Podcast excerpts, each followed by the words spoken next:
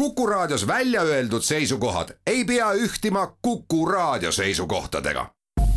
Te kuulate Kuku Raadiot. järjejutt. Lev Tolstoi, Anna Karenina, tõlkinud Selma Holberg, Postimehe kirjastuselt. järjejutt varahommikul pärast palli saatis Anna Arkadjevna mehele telegrammi, et sõidab juba samal päeval Moskvast välja. jah, ma pean, ma pean sõitma, selgitas ta vennanaisele oma kavatsuse muutmist säärase tooniga, nagu oleks talle loendamatu hulk kiireloomulisi toiminguid meelde tulnud. jah, parem juba täna. Dolly ja Anna sõid laste ja inglanna seltsis kas sellepärast, et laste meel on muutlik või et nad on väga tundlikud, nii et nad taipasid, et Anna pole nüüd enam üldse niisugune nagu tol päeval, kui nad temasse ära armusid, et nad ei huvita teda enam.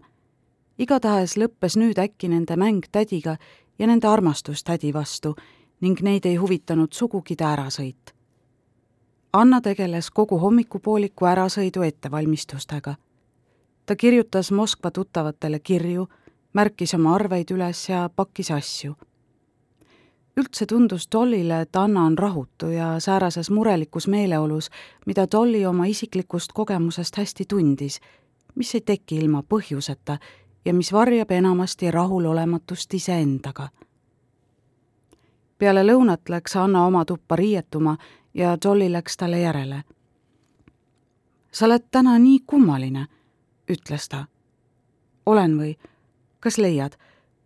ma ei ole kummaline, ma olen halb. seda juhtub minuga vahel. ma tahaksin kogu aeg nutta. see on väga rumal, aga küll see läheb mööda, ütles Anna kiiresti ja kummardus punastades tillukese käekoti kohale, millesse ta pakkis öötanu ja batisträtikud. ta silmad särasid iseäralikult ja tõmbusid ühtelugu veekalkvele kuidas ma ei tahtnud Peterburist ära sõita ja nüüd ei taha siit lahkuda sa tulid siia ja tegid heateo, ütles Dolly teda tähelepanelikult silmitsedes. Anna vaatas talle pisaratest niiske pilguga otsa. ära räägi sellest, Dolly, ma ei teinud ega saanudki midagi teha. ma imestan alatasa, miks on inimesed ühel nõul otsustanud mind rikkuda, mida ma tegin või mida ma võisingi teha. sinu enda südames leidus nii palju armastust, et andeks anda jumal teab, mis oleks ilma sinuta saanud. kui õnnelik sa oled, Anna, ütles Dolly. sinu hinges on kõik selge ja hea. igaühel on hinges omad skeletons, nagu inglased ütlevad. mis skeletons võib sinul olla? sinul on ju kõik selge. on minulgi omad, ütles äkki Anna ja nii ootamatult pärast pisaraid kõverdas kaval ja pilkav naeratus ta huuli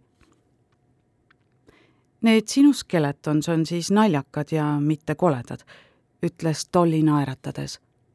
just koledad. kas sa tead, miks ma ei sõida homme, vaid täna? see on ülestunnistus, mis mind rõhub ja ma tahan selle sulle avaldada, ütles Anna nõjatudes otsustavalt tooli seljatoe vastu ja vaadates Dollile otse silma. ja Dolly nägi oma imestuseks, et Anna läks üleni näost punaseks, kuni mustade juuksekiharateni kaelal jah, jätkas Anna. kas tead, miks Kitty täna lõunale ei tulnud? ta on minu peale armukade. mina rikkusin tal, minu pärast polnud see pall talle rõõmuks, vaid piinaks. aga tõesti, tõesti, ma ei ole süüdi või olen, aga õige natukene, ütles ta, venitades heledalt sõna natukene. oi kui Stiiva moodi sa seda ütlesid, ütles Dolly naerdes Anna oli puudutatud. oh ei, oh ei, mina pole Stiiva, sõnas ta kulmu kortsutades. sellepärast ma sulle räägingi, et ma ei luba endale silmapilgukski endas kahelda, ütles ta. kuid samal silmapilgul, kui ta seda ütles, tundis ta, et see on vale. ta kahtles endas ta tundis erutust, mõeldes Vronskile ja ta sõitis varem ära, kui oli kavatsenud, ainult sellepärast, et mitte enam temaga kohtuda jah, Stiiva rääkis mulle, et sa olid temaga oma surkat tantsinud ja et ta, sa ei kujuta endale ette, kui veidralt see nüüd välja kukkus. ma tahtsin vahelt sobitajaks hakata, aga välja tuli hoopis midagi muud. võib-olla, et ma tahtmatult. ta punastas ja jäi vait. oo, nad saavad sellest kohe aru, ütles Dolly. aga ma oleksin päris õnnetu, kui see oleks midagi tõsist tema poolt, ütles Anna vahele ja ma olen kindel, et see kõik ununeb ja Kitty lakkab mind vihkamast tead, Anna, tõtt-öelda ma ei soovigi nii väga Kitile seda abielu. parem olekski, kui kõik pooleli jääks, kui see Vronski võis ühe päeva jooksul sinusse armuda. ah jumal küll, see oleks nii rumal, ütles Anna ja jälle levis tihe heameelepuna üle ta näo, kui ta kuulis teda vallanud mõtet sõnades väljendatuna. nüüd ma sõidan siis ära, olles Kitist endale vaenlase teinud, kuigi ma temasse nii kiindusin.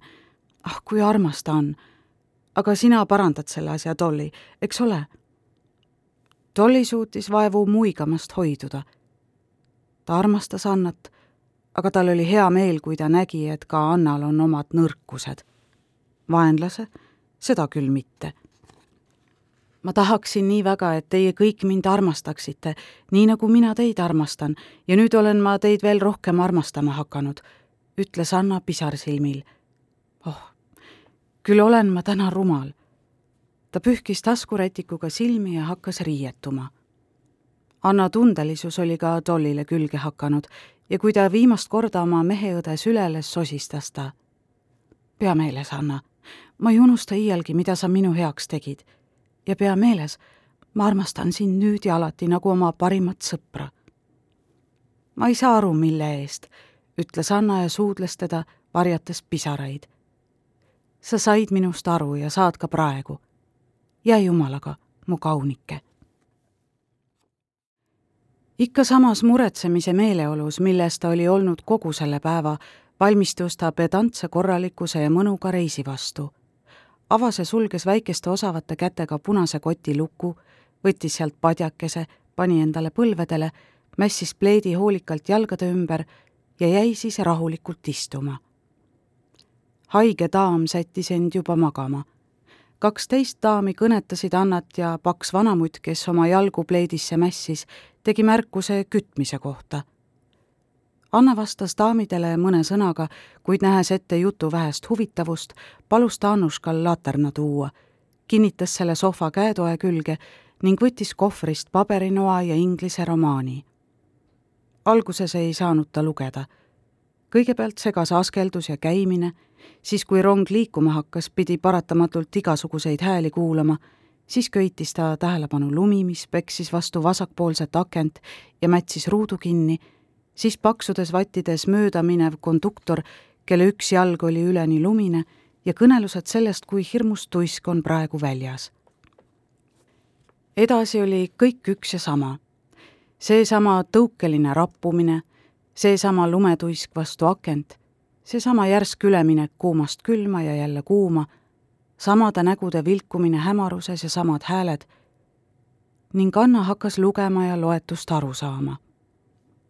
Annuška tukkus, hoides punast kotikest põlvedel, laiade käelabade otsas sõrmkindad, millest üks oli katki. Anna Arkadjevna luges ja sai aru, aga tal polnud huvi lugeda, see tähendab jälgida teiste inimeste elu peegeldust nii väga tahtis ta ise elada. kui ta luges, et romaani kangelane hoolitses haige eest, tahtis ta ise kuulmatul sammul haigetoas käia. kui ta luges, et parlamendiliige pidas kõnet, tahtis ta ise seda kõnet pidada. kui ta luges, kuidas Lady Mary jahikoerte karja järel ratsutas ning oma vennanaist õrritas ja kõiki oma julgusega imestama pani, tahtis ta kõike seda ise teha. aga teha polnud midagi ja ta sundis end lugema, veeretades oma väikeste käte vahel siledat paberinuga. romaani Sangar hakkas juba saavutama oma inglise õnne, baroneti tiitlit ja mõisat ja Anna tahtis koos temaga sinna mõisa sõita, kui ta korraga tundis, et romaani Sangaril peaks häbi olema ja tal endal hakkas samuti häbi. aga miks tal peaks häbi olema? ja miks peaks minul häbi olema küsis ta endalt haavunud imestusega. ta pani raamatu kõrvale ja nõjatus vastu diivani seljatuge.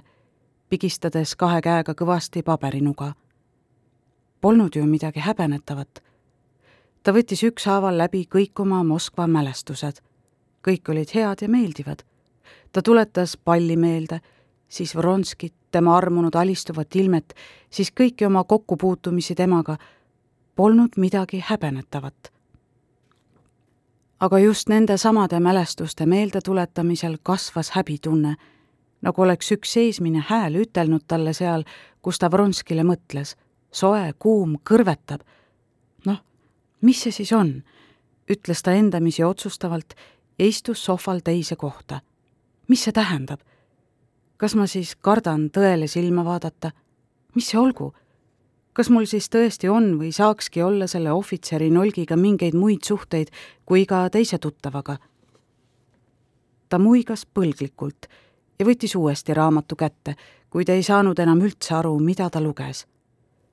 ta tõmbas paberinoaga mööda aknaruutu, pani siis külma sileda tera vastu põske ja pidi peaaegu valjusti naerma hakkama põhjuseta rõõmu pärast, mis teda äkki valdas ta tundis, et närvid tõmbuvad üha enam pingule nagu pillikeeled vastavate pulgakeste keeramisel. ta tundis, et ta silmad lähevad ikka rohkem pärani, et ta sõrmed ja varbad tõmblevad närviliselt, et miski rinnus matab tal hinge ja et kõik need hääled ja kujud selles võbisevas hämaruses üllatavad teda erakordse selgusega. ühte lugu tabas ta end teadmatuselt, kas rong sõidab edasi või tagasi või seisab hoopis paigal kas on ta kõrval Annuška või keegi võõras? mis see on seal sohvaleenil, kas kasukas või mõni loom? ja mis ma ise praegu olen? mina ise või keegi teine? Tal oli hirm sellesse teadvusetusse langeda. kuid miski tõmbas teda sinna ja ta võis ise oma tahtmist mööda kas sellele järele anda või vastu panna. ta tõusis püsti, et sellest toibuda, pani pleedi kõrvale ja võttis sooja peleriini õlgadelt ta toibuski korraks ja taipas, et sisse tulnud kõhn mees pikas palitus, millel puudus nööp, oli kütja, kes vaatas kraadiklaasi ja et tuul ja lumi tuiskasid ta järel uksest sisse. Aga siis läks jälle kõik segi. see pika pihaga mees hakkas seina närima, vanamutt sirutas oma jalad musta pilvena üle terve vaguni, siis hakkas miski koledasti raksuma ja ragisema, just nagu oleks kedagi lõhki käristatud, siis pimestas punane tuli silmi ja siis varjas kõike sein. Anna tundis, et ta langeb sügavikku. aga see kõik polnud hirmus, vaid lõbus. Paksudes vattides üleni lumine mees hõikas midagi ta kõrva ääres. Anna tõusis püsti ja hakkas meelt märkama. nüüd sai ta aru, et nad olid jaama jõudnud ja et see oli konduktor ta palus Annuškat ulatada talle ära võetud peleriin ja pleed, võttis need ümber ja läks ukse poole kas soovite välja minna? küsis Annuška. jah, lähen hingan natuke värsket õhku. siin on nii palav. ja ta paotas ust. Kange tuisk märatses ja huilgas vagunirataste vahel ning tulpade ümber jaama nurga taga. vagunid, tulbad, inimesed, kõik, mis näha, olid ühelt poolt lumega kaetud ja kattusid ikka rohkem. hooti vaibus tuisk kuid tormas siis jälle sääraste hiilidena peale, et paistis olevat võimatu talle vastu seista. samal ajal ruttasid rõõmsalt jutlevad inimesed mööda kägisevat platvormi, avades ja sulgedes vahet pidamata suuri uksi. Kummargil mehe vari libises Anna jalge alt mööda ja kostis haamrikõlkse vastu rauda. telegramm siia, kuuldus vihane hääl teiselt poolt tuisusest pimedusest palun teid siia number kakskümmend kaheksa, hõikasid läbisegi mitmed hääled ning jälle tõttas mööda paksult riidesse mässitud lumiseid inimesi. kaks härrasmeest, põlevad paberossid suus, läksid Annast mööda. Ta hingas veel kord suure sõõmu värsket õhku varuks ja võttis juba käe muhvist välja, et käsipuust kinni võtta ja vagunisse minna, kui üks sõjaväepalitus mees otse ta kõrval tema eest võbiseva laternavalguse varjas Anna vaatas tagasi ja tundis samal hetkel Vronski ära. käsi mütsi ääres kummardas ta Annale ja küsis, kas Annal ei ole midagi vaja, kas ta saaks Annale mõnd teenet osutada. Anna vaatas talle tükk aega sõnagi lausumata otsa. ja hoolimata sellest, et Vronski seisis varjus, nägi ta või kujutles, et ta näeb mehe näo ja silmade ilmet. see oli jälle seesama austava imetluse ilme, mis oli talle nii sügavasti mõjunud. ta oli viimastel päevadel ja alles praegugi endale mitu korda ütelnud, et Vronski on tema silmis üks nende sadade noormeeste hulgast, keda jätkub igale poole ja kes on lõpmata ühtemoodi ja ta keelab endale temast mõtlemisegi. aga nüüd, kohe kohtumise esimesel silmapilgul, valdas teda rõõmus uhkus. tal ei tarvitsenud küsidagi, miks Vronski siin on. ta teadis seda niisama kindlalt, nagu oleks Vronski talle ütelnud, et ta on siin selleks, et olla seal, kus temagi ma ei teadnud, et teie ka sõidate. miks te sõidate? küsis Anna, lastes käe, millega ta oli tahtnud käsipuust kinni võtta, uuesti alla. ja ohjeldamatu rõõm ning elevus särasid ta näol. miks ma sõidan? kordas Vronski ja vaatas talle otse silma. Te ju teate, ma sõidan selleks, et olla seal, kus olete teie, ütles ta. ma ei saa teisiti samal ajal pühkis tuul, nagu oleks ta kõik takistused võitnud vaguni katuselt lund alla ning lõgistas kusagilt lahti kistud plekitahvlit, eespool aga huikas kaeblikult ja pahuralt vali vedurivile. kogu see tuisu õudus oli nüüd Anna meelest veel ilusam. Vronski oli ütelnud just seda, mida ta hing igatses, kuid mida mõistus kartis. ta ei vastanud midagi, aga Vronski nägi seda võitlust ta näost andke mulle andeks, kui see, mida ma ütlesin, on teile vastumeelt, ütles Vronski alistuvalt. Ta kõneles viisakalt ja aupaklikult, kuid nii kindlalt ja kangekaelselt, et Anna ei suutnud tükil ajal midagi vastata. see on halb, mida te räägite, ja ma palun teid, kui te hea inimene olete, unustage see, mida te ütlesite, nagu minagi unustan, ütles Anna viimaks. mitte ühtki teie sõna mitte ühtki teie liigutust ma ei unusta ega saagi unustada. jätke, jätke, hüüdis Anna, püüdes asjatult manada karmi ilmet oma näole, mida Vronski ahnelt silmitses. külmast käsipuust kinni võttes astus ta vagunitrepile ja läks kiiresti vaguni eeskotta. kuid seal väikeses kojas jäi ta seisma, mõeldes selle üle järele, mis oli juhtunud. mäletamata kummagi sõnu, tundis Anna instinktiivselt, et see üürike kõnelus oli neid hirmsasti lähendanud ja ta oli sellest kohkunud ja õnnelik. Ta seisis paar sekundit, astus siis vagunisse ja istus oma kohale. see lummuslik pingulolek, mis teda ennist oli piinanud, tuli jälle tagasi. see kasvas veelgi ja jõudis piirini, kus ta kartma hakkas, et midagi ülepingutatud temas võib iga silmapilk katkeda. ta ei maganud kogu öö kuid selles pingulolekus ja neis unepiltides, mis ta meeli täitsid, ei olnud midagi rasket ega rusuvat. vastupidi, see oli midagi rõõmsat, põletavat ja erutavat. vastu hommikut jäi ta sohval istudes tukkuma ja kui ta ärkas, oli väljas juba valge, päris päev, ja rong lähenes Peterburile. kohe piirasid teda mõtted kodust, mehest, pojast ning algava ja järgnevate päevade mured niipea kui rong peatus ja ta rongist maha sai, oli esimene nägu Peterburis, mida ta märkas, tema mehe nägu. jumal küll, kuidas ta kõrvad niisuguseks on muutunud, mõtles ta, vaadates mehe jäika ja esinduslikku kuju, eriti aga teda nüüd äkki hämmastanud kõrvalesti, mis toetasid ümmarguse põhjaga kõva kübara äärt.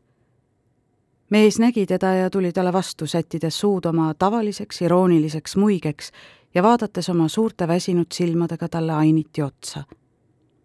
mingi ahistav tunne pitsitas Anna südant, kui ta mehe ainitist väsinud pilku nägi, nagu oleks ta lootnud näha meest teistsugusena. iseäranis hämmastas teda see enesega rahulolematuse tunne, mida ta meest kohates tundis. see oli ammune tuttav tunne, üsna lähedane sellele teesklevale olekule, mis andis end tunda tema suhtlemisel mehega kuid siiani ei olnud ta seda tähele pannud. nüüd sai see selgesti ja valusalt tuntavaks. Vronski ei katsunudki sel ööl magama jääda. ta istus oma pehmel istmel, kord suunates liikumatu pilgu otse ette, kord silmitsedes sissetulijaid ja väljaminejaid ja kui ta oli ennegi üllatanud või ärritanud tundmatuid inimesi oma vaate kõigutamatu rahuga, siis peegeldas ta ilme praegu veelgi rohkem uhkust ja eneseolemist. ta vaatas inimesi nagu asju. ringkonnakohtus teeniv närviline noormees, kes tema vastas istus, hakkas teda selle pilgu pärast vihkama. noormees võttis talt suitsu peale tuld, katsus temaga rääkida ja koguni müksas teda korra, et talle tunda anda, et ta on inimene ja mitte mõni ese. kuid Vronski vaatas teda ikka nagu laternat ja noormees tegi grimasse, tundes, et ta on selle inimeseks mittetunnistamise pärast enesevalitsust kaotamas ja ei saa selle tõttu magada. Vronski ei näinud midagi ega kedagi. Ta tundis end kuningana mitte sellepärast, et ta oleks uskunud, et ta oli Annale sügava mulje jätnud, ta ei uskunud veel seda, vaid sellepärast, et mulje, mida Anna oli temale jätnud, tegi teda uhkeks ja õnnelikuks. ta ei teadnud, mis sellest kõigest välja tuleb, ega mõtelnudki sellele. ta tundis, et tema seni laiali pillatud ja killustatud jõud on koondunud ja suunatud kohutava energiaga ühele ainsale õnnestavale eesmärgile. Ja ta oli selle üle õnnelik. ta teadis ainult, et ta oli ütelnud Annale tõtt et ta sõidab sinna, kus on tema, et kogu oma elu õnne, ainsa elu mõtte on ta nüüd leidnud selles, et teda näha ja kuulda. ja kui ta jaamas rongist maha tuli, et seltersit juua ja Annat nägi, ütles ta Annale tahtmatult juba esimese lausega just seda, mida ta mõtles. ja tal oli hea meel, et ta seda oli ütelnud, et Anna seda nüüd teab ja sellele mõtleb. Ta ei maganud kogu öö oma vagunisse tagasi jõudnud, tuletas ta vahetpidamata kõiki neid olukordi meelde, kus ta Annat oli näinud, kõiki tema sõnu, nähes oma kujutluses võimalikku tuleviku pilte, mis panid ta südame seisma. kui ta Peterburis rongist maha tuli, tundis ta end pärast unetut ööd erksana ja värskena nagu pärast külma vanni. ta jäi oma vaguni ette seisma, ootama Anna tulekut. ma näen teda veel kord, ütles ta endale ja naeratas tahtmatult. näen tema kõnnakut nägu, võib-olla ütleb midagi, pöörab pead, vaatab minu poole, naeratab. aga enne, kui ta teda nägi, nägi ta tema meest, keda jaamaülem aupaklikult rahvamurrust läbi saatis. ah jaa, tema mees nüüd alles taipas Vronski esimest korda täie selgusega, et see mees on Annaga seotud isik. Ta teadis, et Annal on mees, kuid ei uskunud ta olemasolusse ja hakkas seda lõplikult uskuma alles siis, kui teda nägi, tema peast ja õlgadest kuni mustades pükstes jalgadeni, eriti aga siis, kui ta nägi, et see mees täie omandiõigusega rahulikult Annal käe alt kinni võttis. nähes nüüd Aleksei Aleksandrovitši värskelt raseeritud Peterburi nägu ümmarguse põhjaga kõvakübara all ning tema jäigalt enesekindlat, veidi vimmasseljaga kuju uskus Vronski tema olemasolusse ja tundis suurt vastumeelsust, umbes sellist, mida võiks tunda inimene, keda piinab janu ja kes allika juurde jõudes leiab sellest koera, lamba või sea, kes on sealt joonud ja ka vee sogaseks ajanud. Aleksei Aleksandrovitši kõnnak, tema ristluude hööritamine ja kangete jalgade pildumine ärritasid Vronskit eriti. ainult endal leidis ta olevat vastuvaidlematu õiguse Annat armastada kuid Anna ise oli ikka sama ja tema nägemine mõjus Vronskile endist viisi, tekitades füüsilist elevust ja erutust ning täites ta südant õnnega. ta käskis teisest klassist tema juurde tõtanud saksa toapoisil asjad võtta ja ära sõita ning läks ise Anna juurde. ta nägi mehe ja naise esimest kohtumist pärast lahusolekut ja pani armunu läbinägelikkusega tähele kerget piinlikkust, mis ilmnes Anna kõnelusel mehega ei, ta ei armasta seda meest ega võigi armastada, ütles ta endale. Anna Arkadjevnale selja tagant lähenedes märkas Vronski oma rõõmuks, et Anna tundis tema tulekut ja vaatas kähku tagasi, pöördus siis aga teda ära tundes jälle mehe poole. kuidas te öö mööda saatsite? küsis Vronski ja kummardas nii Annale kui mehele korraga jättes Aleksei Aleksandrovitšile vabaduse pidada seda kummardust endale määratuks ja teda siis kas tunda või mitte tunda, nii nagu ta heaks arvab. tänan teid, väga hästi, vastas Anna. Anna nägu oli väsinud ja sellel ei olnud enam seda naeratusest ja silmadest vaheldumisi välja kippuva elavuse mängu. aga ühe silmapilgu vältel, kui ta Vronski poole vaatas, välgatas ta silmis siiski midagi ja kuigi see tuli kohe kustus, oli Vronski selle silmapilgu üle õnnelik. Anna vaatas nüüd oma mehele otsa, et teada saada, kas ta Vronskit tunneb. Aleksei Aleksandrovitš põrnitses Vronskit rahulolematult, tuletades hajameelselt meelde, kes see mees on.